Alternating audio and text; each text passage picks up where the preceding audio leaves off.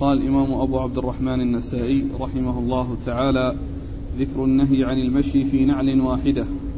قال أخبرنا إسحاق بن إبراهيم قال حدثنا محمد بن عبيد. قال حدثنا الأعمش عن أبي صالح عن أبي هريرة رضي الله عنه عن النبي صلى الله عليه وآله وسلم أنه قال إذا انقطع شسع نعل أحدكم فلا يمشي في نعل واحدة حتى يصلحها. بسم الله الرحمن الرحيم. الحمد لله رب العالمين وصلى الله وسلم وبارك على عبده ورسوله نبينا محمد وعلى آله وأصحابه أجمعين. أما بعد يقول النسائي رحمه الله النهي عن المشي بنعل واحدة. هذه الترجمة هي في النهي عن كون الإنسان يمشي بنعل واحدة وإنما عليه أن يمشي بنعلين أو يمشي بدون نعلين يعني إما أن ينتعل للاثنتين وإما أن يحتفي. والرسول صلى الله عليه وسلم كان ينتعل وكان يحتفي أحيانا. وأما المشي بنعل واحدة فقد جاء فيها حديث عن رسول الله صلى الله عليه وسلم تدل على منعه. آه، أولها حديث أبي هريرة. حديث أبي هريرة رضي الله تعالى عنه. قال إذا انقطع شسع نعل أحدكم فلا يمشي في نعل واحدة حتى يصلحها. نعم. حتى يصلحها. يعني إذا انقطع شسع أحد النعلين أو إحدى النعلين فإنه لا يمشي بالنعل الواحدة السليمة وإنما عليه أن يتوقف عن الانتعال حتى يصلح النعل التي حصل فيها خلل. ولعل من الحكمة في ذلك هو آه، عدم التوازن بين الرجلين حتى تكون إحداهما مرتفعة والثاني تكون يعني آه، نازلة فيكون ذلك سببا للعثار. ثم أيضا هي هيئة كريهة وهيئة غير لائقة. فنهى رسول الله صلى الله عليه وسلم عن المشي في النعل الواحدة. إذا انقطع شسع أحد النعلين. ومثل هذا كما تقدم آه، حلق رأس الصبي وترك بعضه الذي هو القزع فإن هذا يشبه هذا بل إما أن يحلق الجميع وإما أن يترك الجميع. وكذلك الجلوس في الظل والشمس بأن يكون بعضه في الظل وبعضه في الشمس فإنه جاء النهي فيه. إما أن يكون كله في الشمس وإما أن يكون كله في الظل ولا يكون بعضه في الظل وبعضه في الشمس. فهذه أمور ثلاثة متشابهة ومتماثلة وكلها جاء فيها نهي عن الاتيان بها على وجه ليس فيه التساوي بل إما أن يفعل الجميع وإما أن يترك الجميع. إما أن يحلق بعض الرأس ويترك بعض يحلق الرأس كله ويترك كله أو يكون كله في الشمس أو كله في الظلال أو يلبس النعلين جميعا أو يمشي بدون نعلين. أما أن يفعل شيئا أو يفعل البعض ويترك البعض الآخر فهذا كله جاءت السنة عن رسول الله صلى الله عليه وسلم بالنهي عنه. نعم. قال أخبرنا إسحاق بن إبراهيم. إسحاق بن إبراهيم بن مخلد بن راهوية الحنظلي المروزي وهو ثقة أخرج له أصحاب الكتب الستة إلا ابن ماجه. عن محمد بن عبيد. عن محمد بن عبيد بن أبي أمية الطنافسي وهو ثقة أخرج له أصحاب الكتب الستة. عن الأعمش. عن الأعمش وهو سليمان بن مهران الكاهلي وهو ثقة أخرج له أصحاب الكتب الستة. ومحمد بن عبيد الطنافسي هو الذي سبق أن مر أن في التقريب ذكر طبقته متأخرة مع أنه متقدم. وفاته 204 أو 200 كذا شوف ترجمته. سنة أربع ومائتين أيوة. من الحادية عشر. إيه، يعني كونه من الحادي عشر هذا غير غير مستقيم لأنه يعني يعادل أو يوافق التاسعة كثير من الرواة الذين هم في طبقته يعني يعتبرون من التاسعة أو الثامنة. وهذه السنة التي مات فيها هي التي مات فيها الشافعي. هي التي مات فيها الشافعي وهي سنة 204 هذا نص على ذلك؟ ما ذكرتموه. أشار إليه عادل مرشد. أيوه. عندما اعتنى بتقريب التهذيب أيوه. التي طبعتها مؤسسة الرسالة. أيوه. فإنه قال كذا قال الحادي عشرة. أيوه. والأقرب إلى الصواب أن يكون من التاسعة. أيوه. فإنه من شيوخ أحمد. أي نعم. إيه. طبعت عادل مجلد ولا مجلدين؟ لا مجلد واحد. واحد كبير. هذا هو شوفوا خلي يشوف الشيخ. هذا؟ لا لا هذا يعطونك اياه هذا, هذا آخر الطبعات. إيه. لا في بعدها شيء. إيه. هذا المعرض الجديد إذا طلع شيء. إيه. نعم. الورق قوي ها؟ الورق قوي. إيه لا. يعني مثل الطبعة ذيك اللي فيها طبعة بالاشبال يعني كان ورقا خفيف. بس أبو الأشبال نفخها بارك الله فيك. ها؟ منفوخة أكبر هذه. هذيك أقل حجما منها. المنفوخة ذي؟ لا لا طبعة أيوه؟ بالأشبال هي أيوه؟ المنفوخة. أيوه. لكن الورق مو خفيف هذا؟ لا مو خفيف. أشوف. محمد بن عن الأعمش عن سليمان بن مهران الكاهلي وهو ثقة أخرج له أصحاب كتب الستة. عن عن أبي صالح. عن أبي صالح ذكوان السمان وهو ثقة أخرجه أصحاب كتب الستة. عن أبي هريرة عبد الرحمن بن صخر الدوسي صاحب رسول الله صلى الله عليه وسلم وأكثر أصحابه حديثا على الإطلاق رضي الله عنه وأرضاه. قال أخبرنا إسحاق بن إبراهيم قال أخبرنا أبو معاوية قال حدثنا الأعمش عن أبي رزين قال رأيت أبا هريرة رضي الله عنه يضرب بيده على جبهته يقول يا أهل العراق تزعمون أني أكذب على رسول الله صلى الله عليه وآله وسلم؟ أشهد لسمعت رسول الله صلى الله عليه وآله وسلم يقول إذا انقطع شسع نعل أحدكم فلا يمشي في الأخرى حتى يصلحها.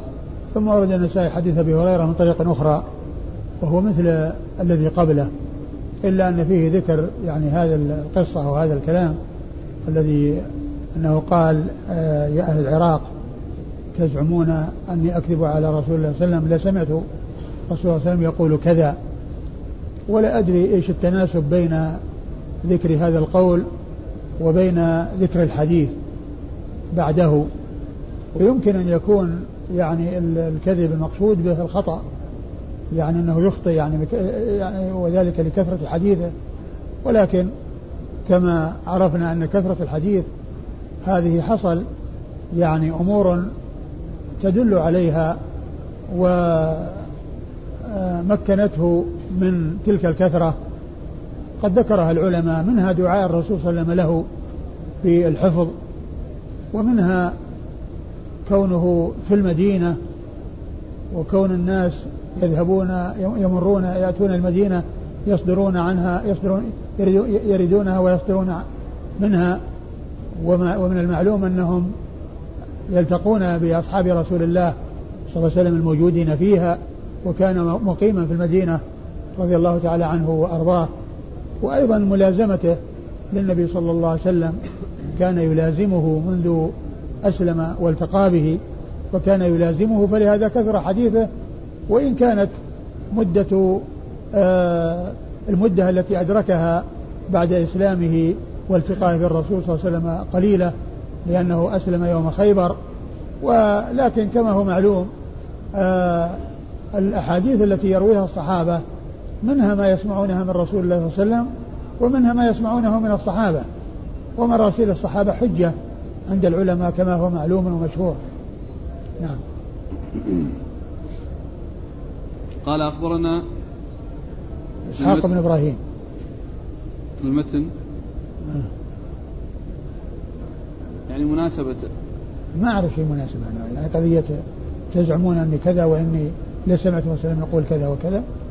ما أعرف شيء ما أعرف إيش وجه إيراد الحديث بعد يعني آه، آه، قوله لهم حول كونهم قول يقول إنه يكذب. رأيت أبا هريرة يضرب بيده على جبهته. أي نعم. يعني يعني ما الاستعظام يعني ما يقولون. لعل ذلك لاستعظامه ما يقولون ولإنكاره ما يقولون. قال أخبرنا إسحاق بن إبراهيم عن أبي معاوية. إسحاق بن إبراهيم مر ذكره أبو معاوية محمد بن خازم الضرير الكوفي ثقة أخرجه أصحاب كتب الستة. عن الأعمش عن أبي رزين. عن الأعمش وقد مر ذكره وأبو رزين هو مسعود بن مالك وهو ثقة أخرج له حديثه البخاري في المفرد. نعم. مسلم والنسائي هو أصحاب السنن. عن أبي هريرة. عن أبي هريرة وقد مر ذكره. هنا في سؤال بالنسبة الأشياء التي ذكرتموها. إيه؟ مثل هذا الباب النهي عن المشرفين على الواحدة وكذلك النهي عن القزع والنهي عن بقاء الإنسان بعضه في الظل وبعضه في الشمس. يقول هل هذه النواهي للتحريم؟ أو للكراهة وهل يمكن سحب هذا كله على كل المنهيات؟ في في مجال الآداب الشرعية كالأكل والشرب والمشي. فما جاء فيه النهي في هذه الآداب يكون كراهة. الله أعلم. لكن ابتعاد الإنسان عن ذلك لا شك أنه فيه السلام. لا زال الأخ يسأل عن الحديث اليوم. أيوه. فلا يمشي. هل صرفه صارف؟ فلا يمشي في نعل واحدة. يعني هو مثل ما فيه إلا الكلام المشهور عند أهل العلم أن هذه الأشياء التي تتعلق ب يعني بعض الآداب أنها لكراهة التنزيه. وأنا ما ما أقول أنها لكراهة التنزيه أقول لا أدري. وابتعاد الإنسان عن الشيء الذي فيه شبهة والاتيان كونه يدع ما يريبه إلى ما لا يريبه لا شك أن في ذلك السلامة والنجاة. قال رحمه الله تعالى ما جاء في الأنطاع قال أخبرنا محمد بن بن معمر قال حدثنا محمد بن عمر بن أبي الوزير أبو مطرف. قال حدثنا محمد بن موسى عن عبد الله بن أبي طلحة عن أنس بن مالك رضي الله عنه أن النبي صلى الله عليه وآله وسلم اضطجع على نطع فعرق فقامت أم سليم رضي الله عنها إلى عرقه فنشفته فجعلته في قارورة. فرآها النبي صلى الله عليه وآله وسلم قال ما هذا الذي تصنعين يا أم سليم؟ قالت أجعل عرقك في طيبي فضحك النبي صلى الله عليه وآله وسلم. ثم ورد النسائي هذه الترجمة وهي الأنطاع. والمقصود بها كما جاء في الحديث يعني آه، فراش يعني آه، يجلس عليه أو ينام عليه. ويبدو من ما جاء في الحديث أنه يعني آه، أن يكون يعني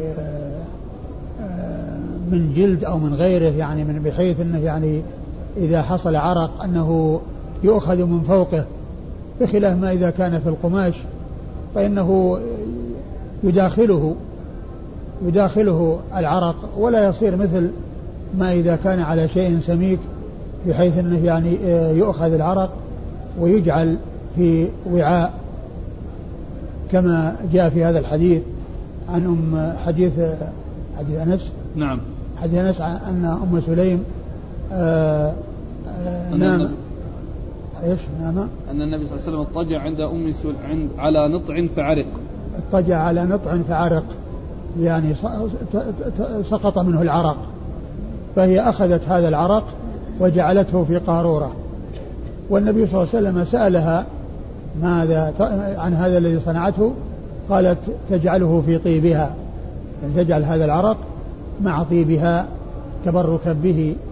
ومن المعلوم أن رسول الله صلى الله عليه وسلم يتبرك بعرقه وبفضل وضوئه وببصاقه وبشعره وغير ذلك من الأشياء التي كان الصحابة رضي الله تعالى عنهم وأرضاهم يحرصون عليها. وهذا من خصائصه صلى الله عليه وسلم. أي أنه لا يجوز أن يفعل هذا مع أحد سواه. بدليل أن الصحابة الكرام رضي الله عنهم وأرضاهم ما فعلوا هذا مع أحد بعده.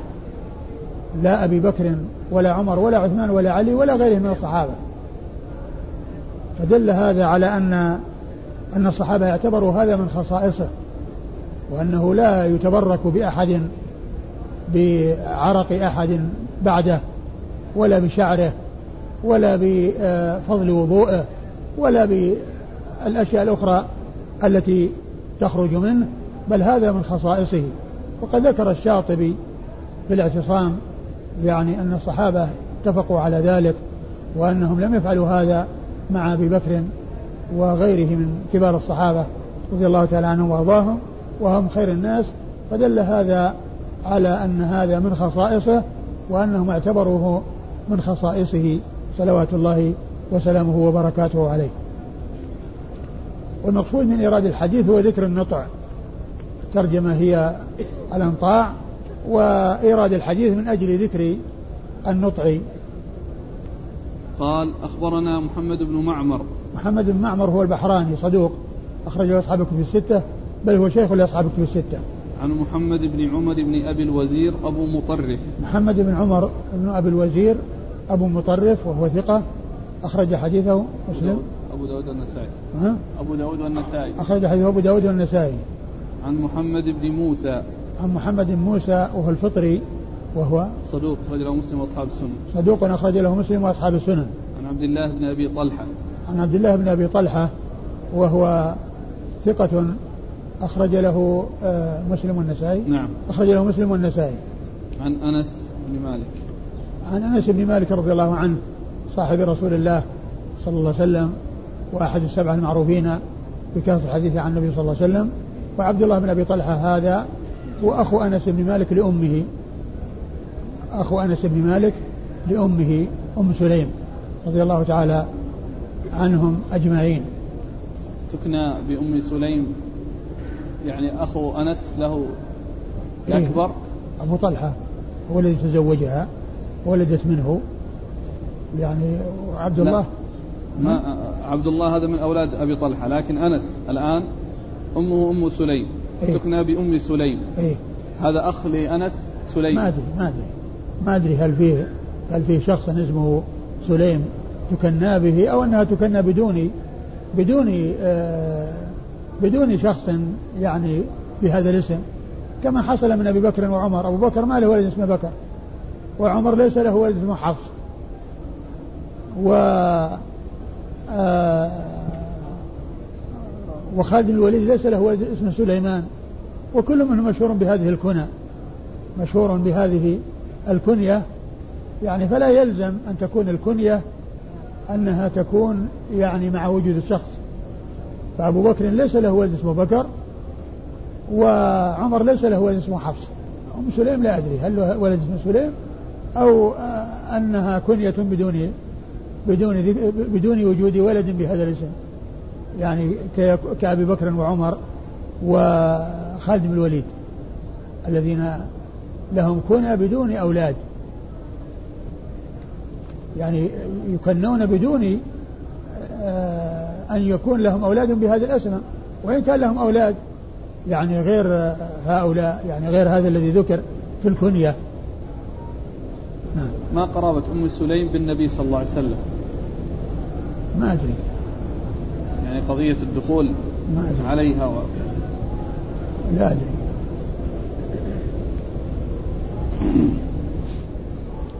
آه، لعل مثل مثل دخول على أم ملحان التي سبق أنه جاء في الأحاديث التي كانت ذهبت إلى أم حرام بنت أم من حرام نعم. أم حرام التي كانت ذهبت يعني آه، مع الجيش الذي يغزو البحر والرسول قام.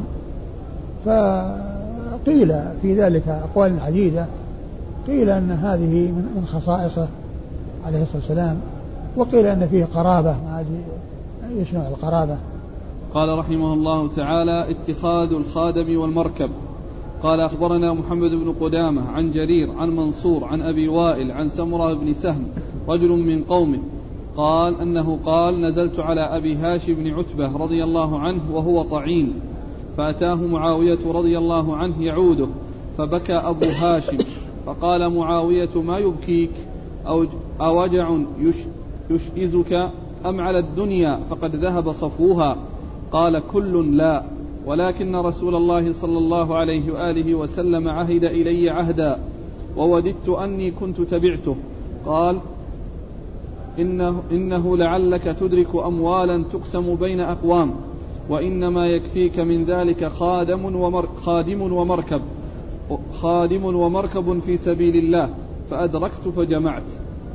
ثم ورد النسائي هذه ترجمة اتخاذ المركب والخادم اتخاذ المركب والخادم.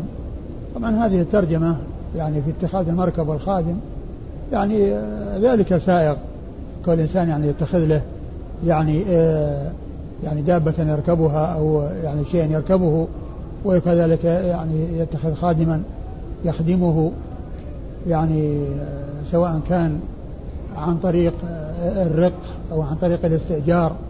كل ذلك سائغ وأورد النسائي هذه الترجمة من أجل ما جاء في الحديث من ذكر المركب والخادم.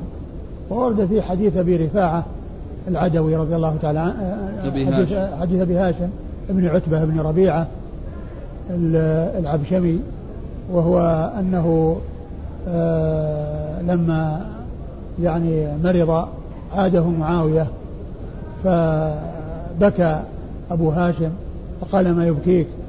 أوجع يشئزك يعني يقلقك يعني تبكي من أجل الوجع الذي يعني أصابك أو أو أن أو أنه يعني لفوات الدنيا أو مفارقة الدنيا. فقد ذهب صفوها فقال كل لا يعني كل كل ذلك ليس هذا هو الذي آه، يبكيني لا وجع ولا يعني الدنيا وذهاب الدنيا وإنما كان النبي صلى الله عليه وسلم عهد إليه عهدا ود أنه تبعه يعني أنه أنه قد يعني قد مات قبل ذلك ولم يصل إلى هذا السن الذي أدركه و وقد عهد إليه النبي صلى الله عليه وسلم آه قال إنها إنه إيش؟ إنه يأتي قال إنه لعلك تدرك أموالا تقسم بين أقوام. إنك لعلك تدرك أموالا تقسم بين أقوام يعني كالغنائم. ف وإنما يكفيك من ذلك خادم ومركب في سبيل الله. وإنما يكفيك من ذلك خادم ومركب في سبيل الله فأدركت وجمعت. يعني بلغت إلى هذا السن وتأخرت بي الحياة حتى أدركت هذه الأشياء التي عناها الرسول صلى الله عليه وسلم. وجمعت منها شيئا وجمعت منها شيئا. والحديث يعني فيه تزهيد في الدنيا والتقليل من الافتتان بها وكل إنسان لا يجعلها يعني شغله الشاغل ولا يحرص عليها الحرص الذي يحول بينه وبين يعني ما يعود عليه بالخير. وهذا هو العهد الذي عهده إليه رسول الله. صلى الله عليه وسلم التزهيد في الدنيا وعدم الافتتان بها. نعم. قال أخبرنا قال في أوله نزلت على أبي هاشم بن عتبة وهو طعين. طعين لعله يعني مطعون يعني ما أدري إيش إنها طعين يعني مطعون. نعم. مطعون لها معنيان وش هي؟ يعني مطعون اللي فيه الطاعون؟ بالطاعون. يمكن طاعون أو إنه مطعون بال أو إنه مطعون ب يعني بال كما طعن عمر رضي الله عنه يعني بالسكين. يعني لا أدري إيش المقصود منها. لكنه يعني لكنه مريض. نعم. قال أخبرنا محمد بن قدامة. محمد بن قدامة المصيصي وهو ثقة. أخرج له نعم. ثقة. أبو داود والنسائي. ثقة. أخرج حديث أبو داود والنسائي. وابن ماجه. ثقة أخرج حديث أبو داود والنسائي وابن ماجه. عن جرير. عن جرير بن عبد الحميد الضبي الكوفي ثقة. أخرجه أصحاب الكتب الستة. عن منصور. عن منصور بن المعتمر وهو ثقة أخرجه أصحاب الكتب الستة. عن أبي وائل. عن أبي وائل شقيق بن سلمة وهو ثقة ثقة مخضرم أخرج له أصحاب أصحاب الكتب الستة. عن سمرة بن سهم. عن سمرة بن سهم بن سهم وقال عنه في التقريب أنه مجهول وفي تهذيب التهذيب ما زاد على كون بعض الجرح والتعديل قال مجهول. وأن ابن حبان ذكره في الثقات. عن عن أبي هاشم بن عثمان وحديثه وحديثه أخرجه البخاري أخرجه الترمذي والنسائي وابن ماجه. الترمذي والنسائي وابن ماجه. نعم. الترمذي والنسائي وابن ماجه. عن أبي هاشم عتبة بن ربيعة وهو صحابي أخرج حديثه الترمذي والنسائي وابن ماجه. والألباني حسن الحديث ولعل ذلك. يعني ما أدري هل له طريق أخرى أو أن الحديث يتعلق بالتزهيد بالدنيا وقد ورد فيه أحاديث كثيرة تدل على معناه. نعم. قال رحمه الله تعالى حلية السيف. قال أخبرنا عمران بن يزيد. قال حدثنا عيسى بن يونس. قال حدثنا عثمان بن حكيم عن أبي أمامة بن سهل رضي الله عنه أنه قال كان قبيعة سيف رسول الله صلى الله عليه وآله وسلم من فضة. ثم ورد النسائي هذه الترجمة حلية السيف يعني أنه يحلى بالفضة. يعني أنه يمكن أن يحلى بالفضة ولا يحلى بالذهب لأن النصوص وردت في تحليته بالفضة. وقد أورد النسائي حديث أبي أمامة بن سهل. حديث أبي أمامة بن سهل بن حنيف أن النبي صلى الله عليه وسلم أن أن سيف الرسول كانت قبيعته من فضة. كانت قبيعته من فضة. يعني فهذا فيه التحلية بالفضة. نعم؟ إيش؟ ما أدري والله ما أدري إيش المقصود بالقبيعة. نعم. هو هنا يقول ولا وصفه مو ظاهر. السيوطي والسندي. أيوه. وصفه ما هو واضح؟ وإيش؟ في تص... يقول قبيعة هي التي تكون على رأس قائم السيف. أيوه. وقيل هي ما تحت شاربي السيف. شاربي؟ اي هي التي تكون إيش؟ هي التي تكون على رأس قائم السيف. ما أدري إيش المقصود بالقائم أيضا بالقائم ما أدري إيش المقصود به. والشوارب هذه ما أدري وش لأن ما نعرف. السندي يقول قبيعة السيف كسفينة. ما على طرف مقبضه من فضة أو حديد. مقبضه؟ أي يعني طرف المقبض يعني ما هو المقبض. أي ما على طرف مقبضه. أي يعني طرف من فوق ولا من تحت؟ لا ندري. ما عندنا سيوف مشكلة. إيه. قال أخبرنا عمران بن يزيد. نعم عمران بن يزيد عمران بن خالد بن يزيد وهو صدوق رجل النسائي. صدوق أخرج حديث النسائي وحده. عن عيسى بن يونس. عن عيسى بن يونس بن أبي إسحاق وهو ثقة أخرج أصحابه في الستة. عن عثمان بن حكيم. عن عثمان بن حكيم وهو ثقة أخرج له. البخاري تعليقا. البخاري تعليقا ومسلم وأصحاب السنن عن عن أبي أمامة بن سهل.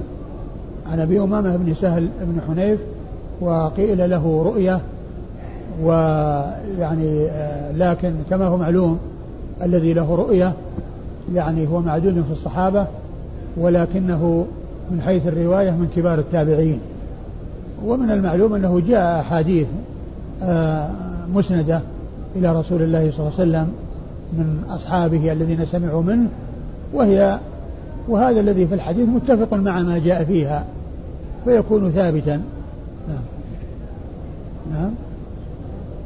لا ما يقال له مرسل لأن هذا معدود في الصحابة لكن هو مرسل نعم لأنه ما يأتي عن طريق يعني مرسل صحابي مرسل صحابي لكنه يعني صحابي روايته معدودة في رواية كبار التابعين. ويعني معلوم أن مثل هؤلاء لا يأخذون عن الصحابة إلا عن الصحابة الذين سمعوا من النبي صلى الله عليه وسلم. لكن القضية ما هي مقتصرة على وجود هذه الطريق بل جاء حديث تنص على ما جاء في الحديث. وعلى هذا فما في الحديث ثابت. لا بهذا الإسناد بل بغيره. قال أخبرنا أبو داود قال حدثنا عمرو بن عاصم قال حدثنا همام وجرير قال حدثنا قتادة عن أنس رضي الله عنه أنه قال كان نعل سيف رسول الله صلى الله عليه وآله وسلم من فضة وقبيعة سيفه فضة وما بين ذلك حلق فضة. ثم ورد النسائي حديث أنس. بن مالك رضي الله عنه وهو مشتمل على ما اشتمل عليه الأول وزيادة. ومعنى ذلك أن حلية السيف تكون من فضة وقد كان سيف الرسول صلى الله عليه وسلم كذلك أي مشتملا على فضة. قال أخبرنا أبو داود. أبو داود سليمان بن سيف الحراني ثقة أخرج حديثه النسائي وحده. عن عمرو بن عاصم. عن عمرو بن عاصم وهو صدوق في حفظه شيء. أخرج أصحاب الكتب. صدوق في حفظه شيء أخرج له أصحاب الكتب الستة. عن همام. عن همام بن يحيى وهو ثقة أخرج حديث أصحاب الكتب الستة. وجرير. وجرير بن بن حازم وهو ثقة أخرج أصحاب أصحاب الكتب الستة. عن عن قتادة بن دعامة السدوسي البصري ثقة أخرجه أصحاب الكتب الستة. عن أنس. عن أنس بن مالك رضي الله عنه صاحب رسول الله صلى الله عليه وسلم وأحد السبعة المعروفين بكثرة الحديث عن النبي صلى الله عليه وسلم. قال أخبرنا قتيبة قال حدثنا يزيد وهو ابن زريع عن هشام عن قتادة عن سعيد بن أبي الحسن أنه قال كانت قبيعة سيف رسول الله صلى الله عليه وآله وسلم من فضة. ثم ورد النسائي يعني الحديث وهو يعني مرسل آه، وهو مثل الذي قبله حديث أبي أمامة بن سهل بن حنيف كانت قبيعة سيف الرسول من فضة. نعم. قال أخبرنا قتيبة عن يزيد وهو ابن زريع. قتيبة بن سعيد بن جميل بن طريف البغلاني ثقة أخرجه أصحاب في الستة. يزيد بن زريع ثقة أخرجه أصحاب في الستة. عن هشام عن هشام بن أبي عبد الله الدستوائي ثقة أخرجه أصحاب في الستة. عن قتادة. ومر ذكره عن سعيد بن أبي الحسن وهو البصري أخو أخو الحسن البصري. سعيد بن أبي الحسن البصري. لأن الحسن البصري هو الحسن بن أبي الحسن. الحسن ابن أبي الحسن البصري. فهذا سعيد أخوه أخو أبو الحسن أخو الحسن البصري المشهور. وهو ثقة. أخرج حديثه أصحاب كتب الستة. وهو مرسل لأنه من التابعين. الذي هو سعيد بن أبي الحسن. فهو مرسل مرسل تابعي. ولكنه جاء يعني ما يدل على ثبوته من الموصول.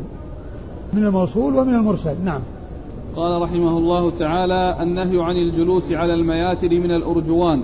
قال أخبرنا محمد بن العلاء قال حدثنا ابن إدريس قال سمعت عاصم بن كليب عن أبي بردة عن علي رضي الله عنه أنه قال قال لي رسول الله صلى الله عليه وآله وسلم قل اللهم سددني واهدني ونهاني عن الجلوس على المياتر والمياثر قسي كانت تصنعه النساء لبعول لبعولهن على الرحل. كالقطائف من الأرجوان. ثم ورد النسائي آه ترجمة وهي النهي عن الجلوس على المياثر من الأرجوان. النهي عن الجلوس على المياثر من الأرجوان. آه المياثر هي يعني وطاء يجعل على الرحل آه لي يعني يرتفق به الراكب. وكما جاء في آه، آه، تفسيره كانت تصنعه النساء لبعولتهن. وقد سبق أن مر النهي عن ذلك وهو من القسي والقسي كما هو معلوم من من الحرير. وقد سبق النهي أو الأحاديث التي فيها النهي عن ذلك القسي والديباج والاستبرق وما إلى ذلك من من أنواع الحرير. والأرجوان هو يعني لونه أحمر كذا من اللون الأحمر سبق أن مر بنا في بعض الأحاديث لكنه لا يقتصر الأمر على على اللون بل ما كان يعني من القسي في أي لون كان فإنه من الحرير ولا يجوز استعماله. قال أخبرنا محمد بن العلاء. محمد بن العلاء أبو كريب. محمد بن العلاء بن كريب أبو كريب.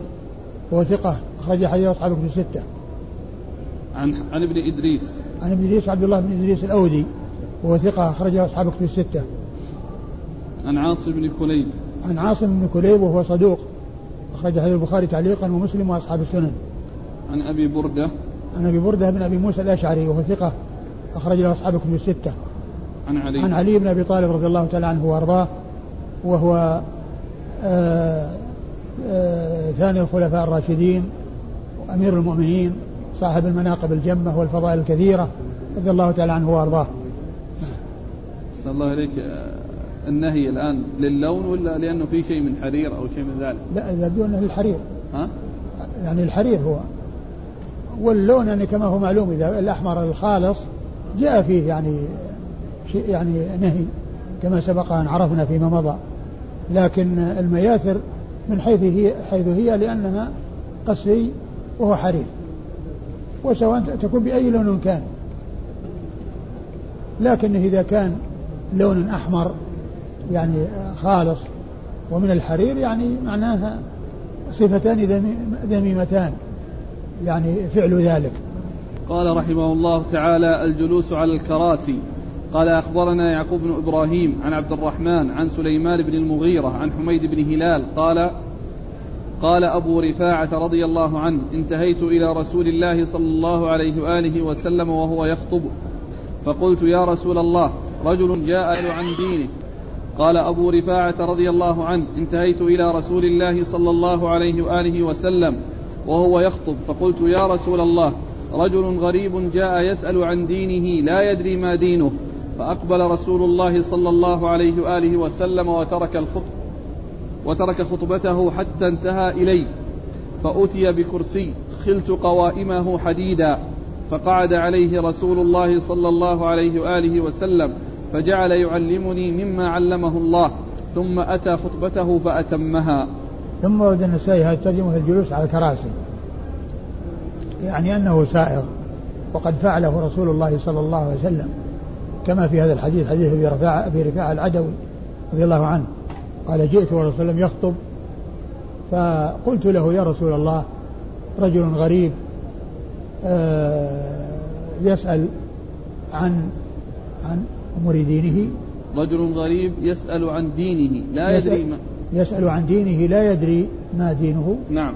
لا يدري ما دينه. فنزل الرسول صلى الله عليه وسلم وجعل يعلمه مما وأتي بكرسي قال خلت قوائمه حديدا يعني ظننت أن قوائمه من حديد فجلس عليه وجعل يعلمني مما علمه الله عز وجل ثم رجع وأتم خطبته.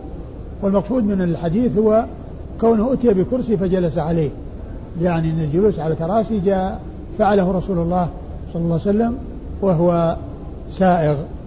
وفي الحديث أنه يجوز الكلام مع الخطيب وكلام الخطيب ومن يكلمه. كل ذلك سائغ ولا مانع منه. وقد جاء أحاديث تدل على هذا قصة الرجل الذي جاء وطلب من رسول أن يستسقي وأن يدعو لهم.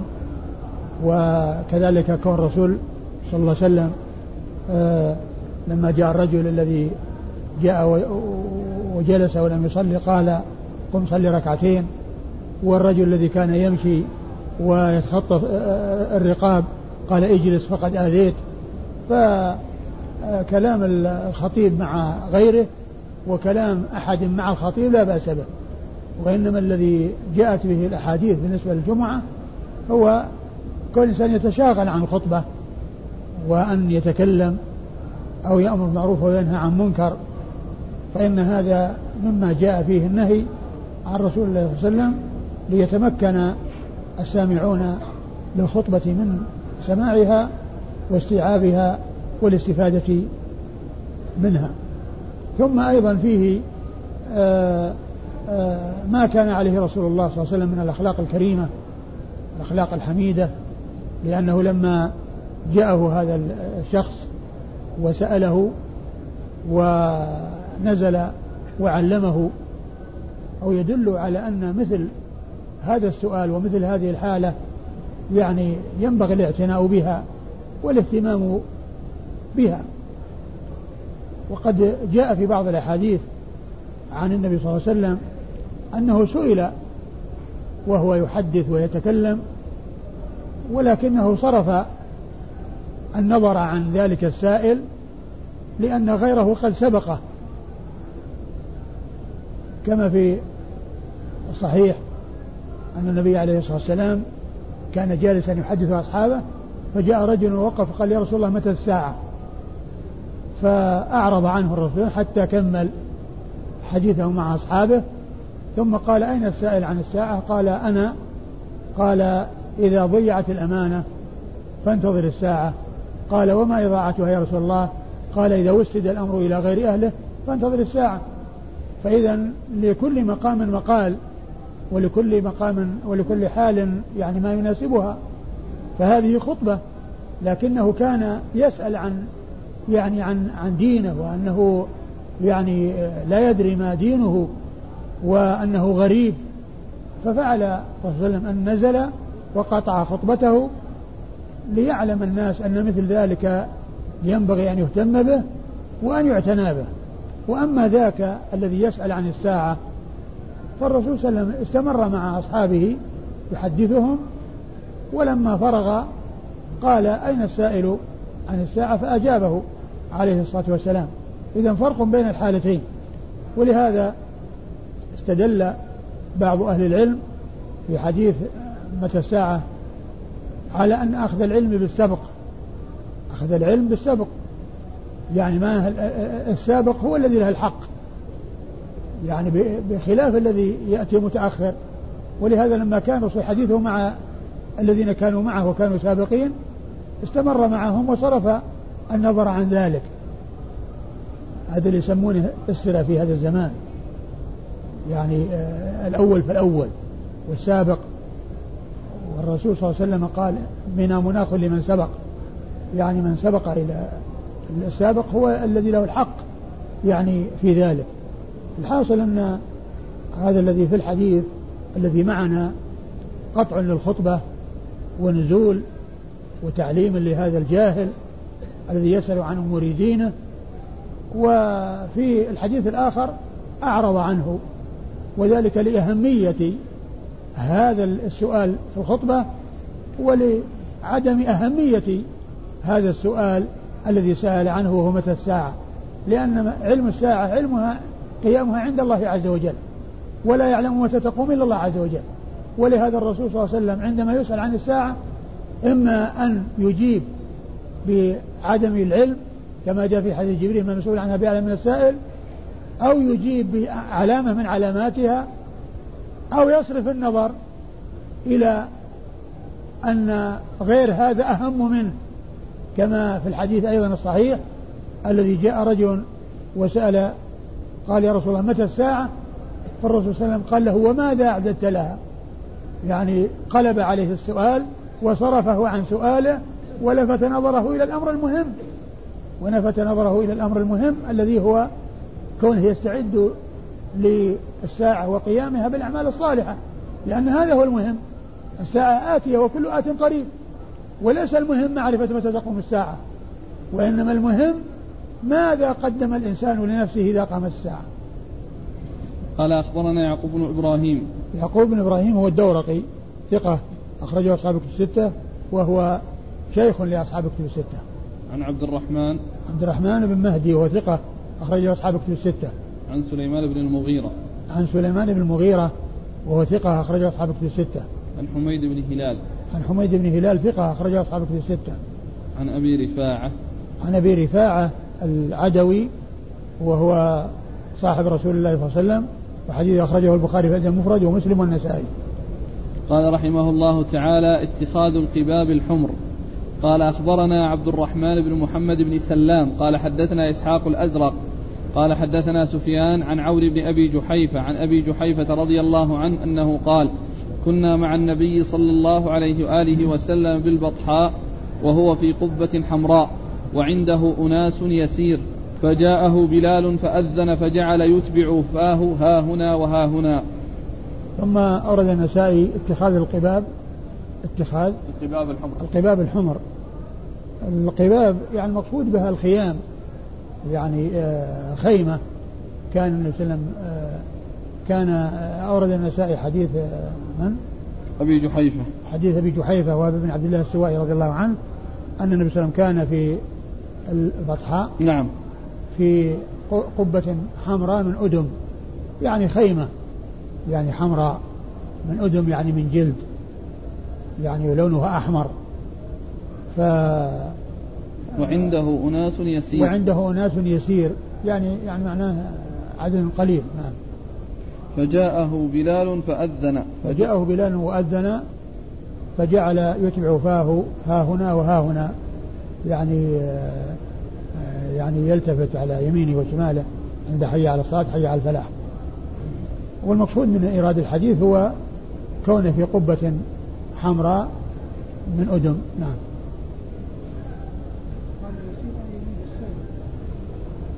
نعم. لا وعنده أناس هو في قبة جالس أقول هو جالس و... ها؟ وش يقول؟ وعنده وعنده أناس يسير وعنده أناس إيش عنده أناس يسير؟ يعني لا بس يسير وعنده أناس ها؟ لا لا بس هو كان مقيم مقيم في الخيمة مقيم في الخيمة؟ إذا كان أن فيه يريد أن يسير أو أن يعني أما قضية هو يسير هو جالس مقيم. ما أدري. يعني يبدو أنه أناس يسير يعني عدد قليل. قال أخبرنا أو أن فيه يعني اختصار وكذا إذا كان جاء في بعض الأحاديث أنه يريد أن يسير أو ما إلى ذلك. وأما قضية هنا السير ما هو موجود. السير هو فيه إقامة لأنه في خيمة. وعنده أناس. ها؟ وبلال يؤذن يا شيخ. كيف كيف؟ الرسول هو الذي عنده. نعم. اي نعم. يعني الأخ يقول يعني بعد إيه بعد التفسير. اي نعم. اي نعم. يعني يبدو أنه يعني عدد أناس يسير يعني عدد قليل. نعم. قال أخبرنا عبد الرحمن بن محمد بن سلام عبد الرحمن بن محمد بن سلام لا بأس به أخرج حديث أبو داود والنسائي عن إسحاق الأزرق عن إسحاق بن يوسف الأزرق ثقة أخرجه أصحاب كتب الستة عن سفيان عن سفيان هو الثوري سفيان بن سعيد المسروق الثوري ثقة فقيه وصف بأنه أمير المؤمنين في الحديث وحديث أخرج أصحاب الكتب الستة. عن عون بن أبي جحيفة. عن عون بن أبي جحيفة وهو قيل له رؤية نعم وقيل إيش؟ وأظن وثقه فلان يعني إيش قال فيه؟ أو أنه ثقة بس. عندي أنا كاتب عون بن أبي ثقة. ثقة بس ما فيه إزراء ولا شيء؟ لا لا نعم ثقة أخرج حديث أصحاب في الستة عن أبيه أبي جحيفة وهب بن عبد الله السوائي رضي الله عنه وحديثه أخرجه أصحاب في الستة والله أعلم وصلى الله وسلم وبارك على عبده ورسوله نبينا محمد وعلى آله وأصحابه أجمعين.